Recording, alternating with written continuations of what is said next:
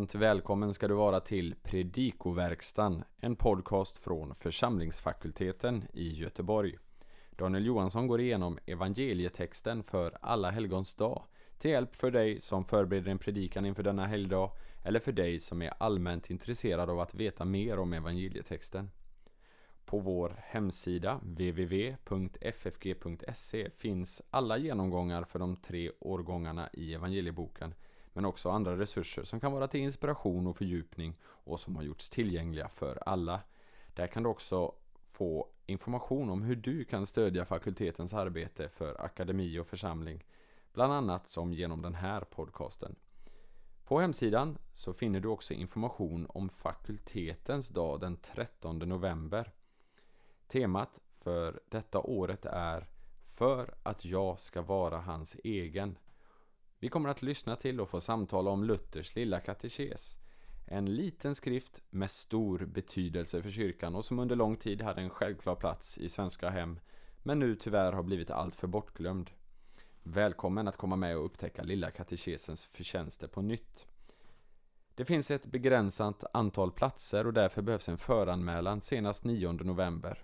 Du kan anmäla dig till mejladressen info ffg.se Alltså info ffg.se Men nu, en genomgång av evangelietexten för alla helgons dag. Vi önskar dig god lyssning. Första årgångens evangelium för alla helgons dag kommer från Matteus 5, 1-12. Texten innehåller inga större grammatiska svårigheter vi nöjer oss med att peka på några övergripande drag och några ställen där de svenska översättningarna skiljer sig åt. Men allra först, eh, lägg märke till en fin illustration av satsförkortningen genitivus absolutus och dess funktion eh, i den andra hälften av den första versen. Kai kathisantos auto pros elthan auto hoi mathetai auto. Efter att han satt sig det vill säga Jesus, kom hans lärjungar fram till honom. Genitivus absolutus används när subjektet i bakgrundsinformationen är ett annat än subjektet till huvudverbet. När Jesus satt sig kommer lärjungarna fram till honom. Det är för övrigt första gången begreppet lärjunge används i evangeliet.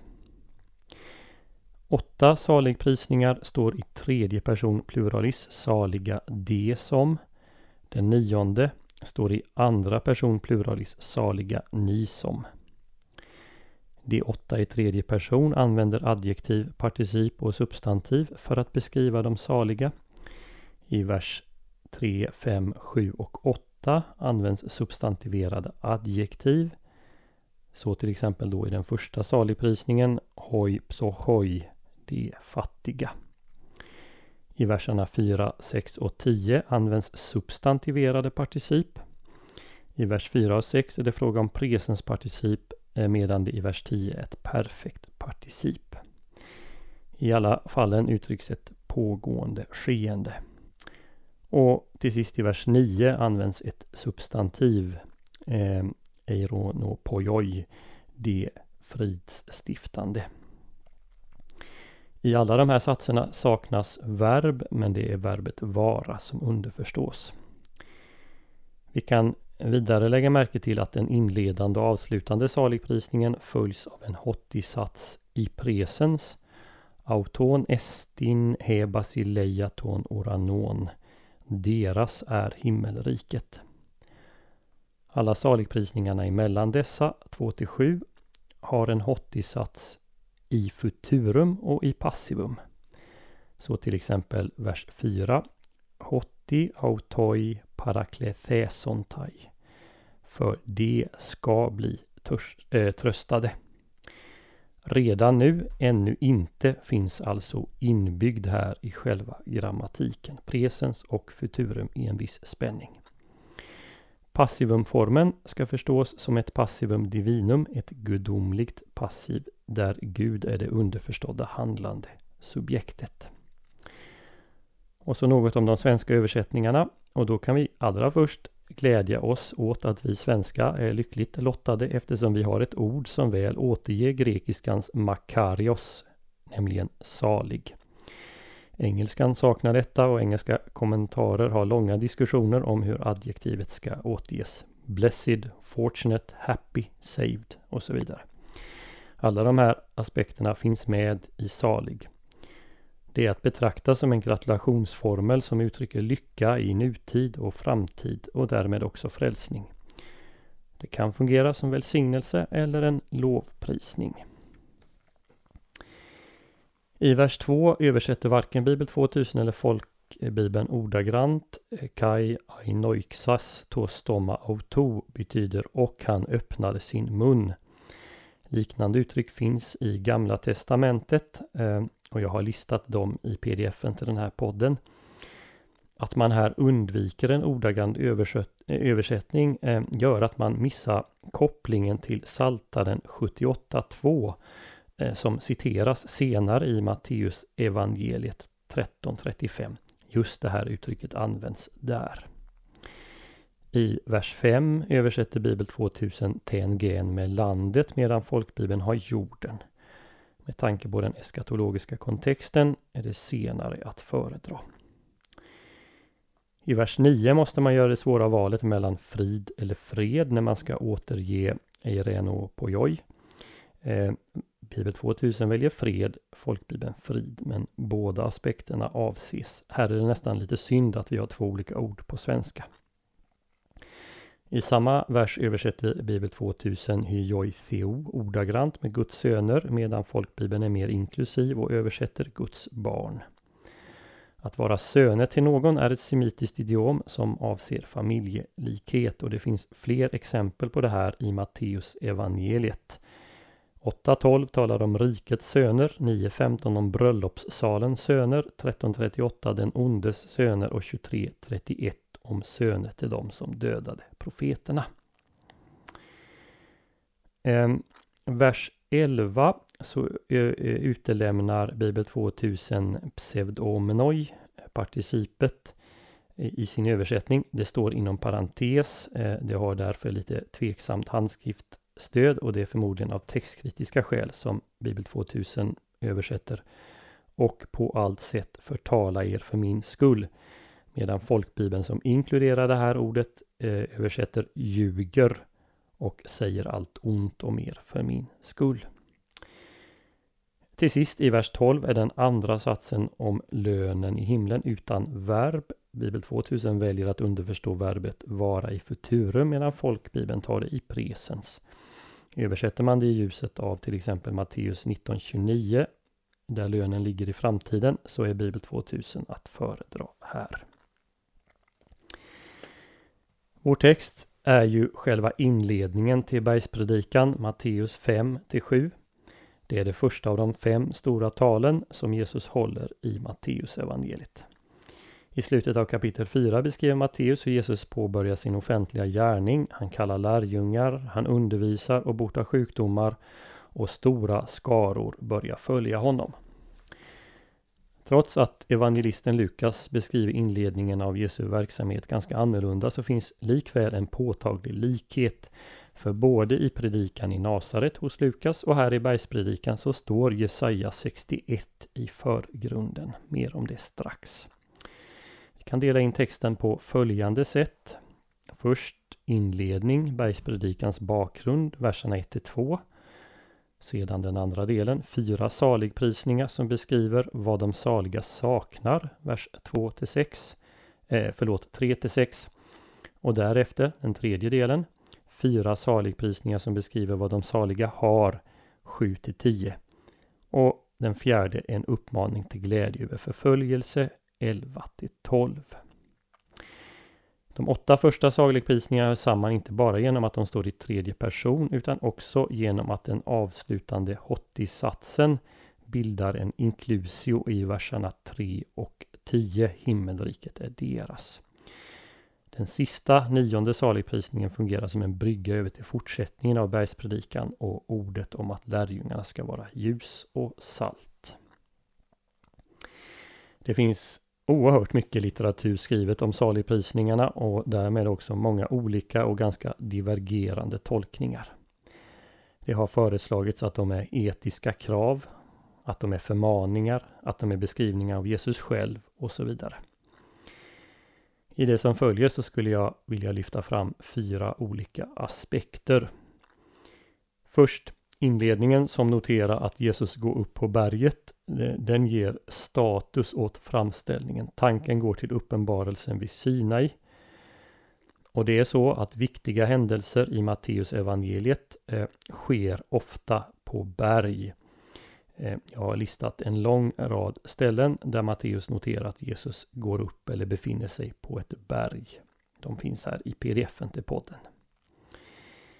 Eh, I anknytning till det här så får vi konstatera att saligprisningarna är själva ingången, dörröppningen till hela bergspredikan och därmed också ljuset i vilket resten av bergspredikan ska läsas och förstås.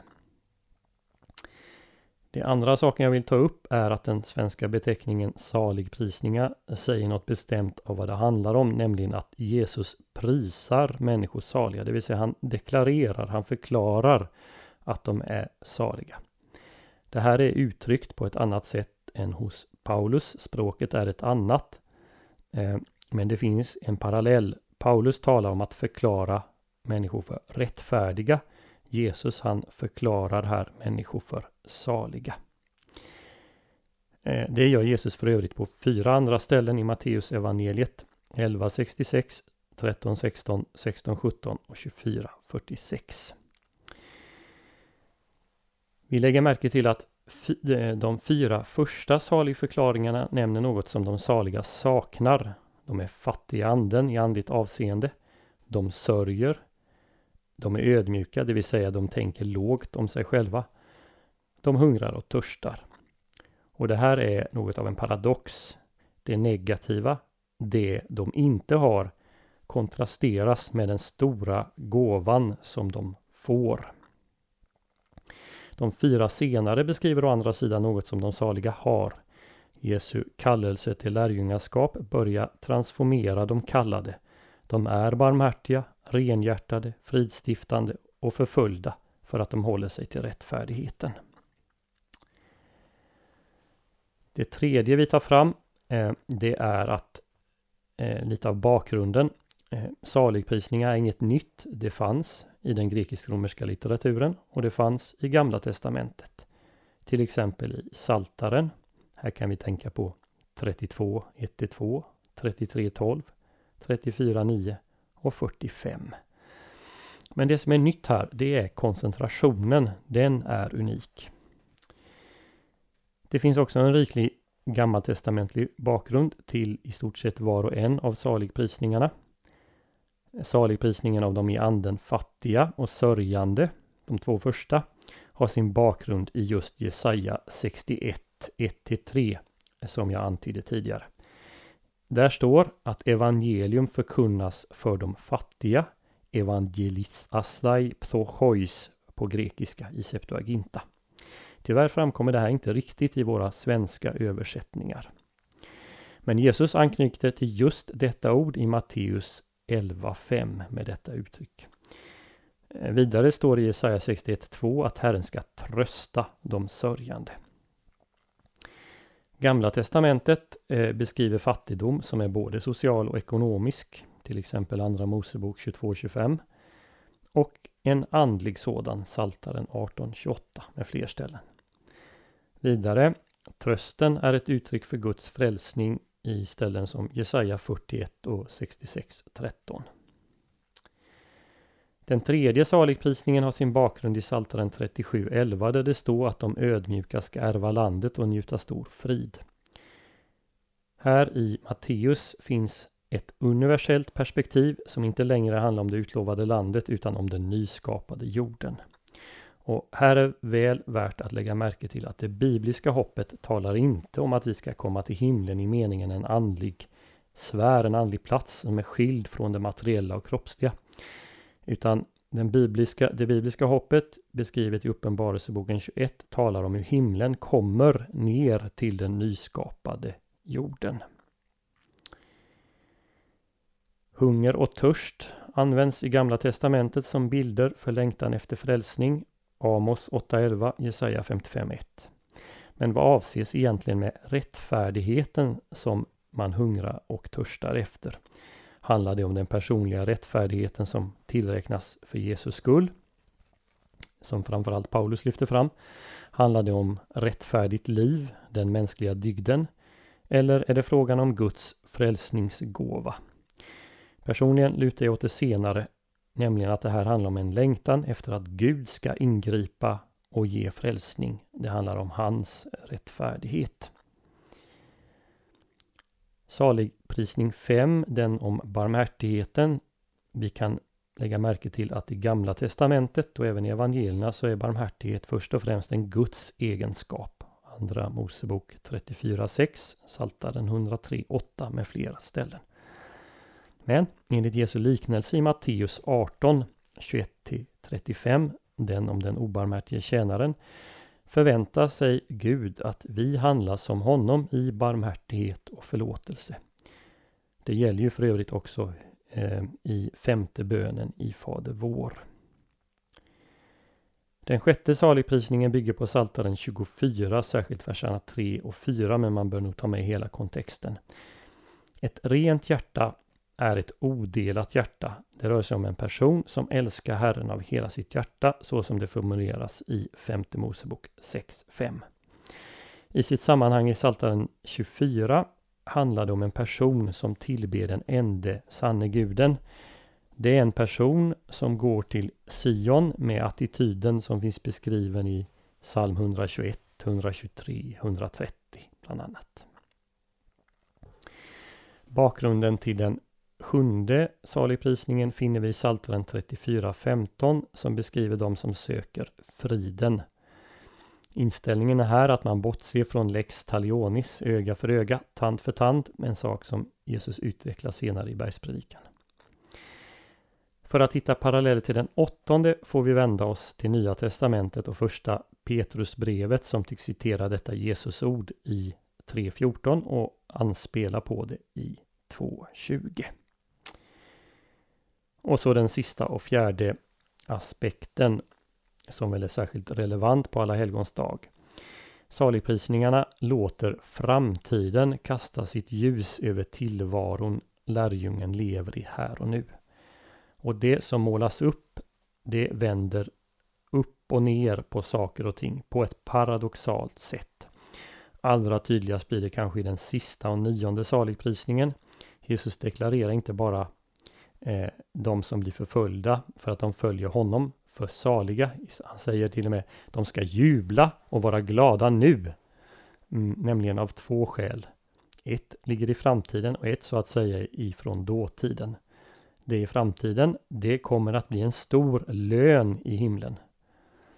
Och det andra från dåtiden, det är att man kan glädja sig över att stå i den berömda raden, eller ska vi säga i Hall of Fame, av profeter som Gamla Testamentet berättar om.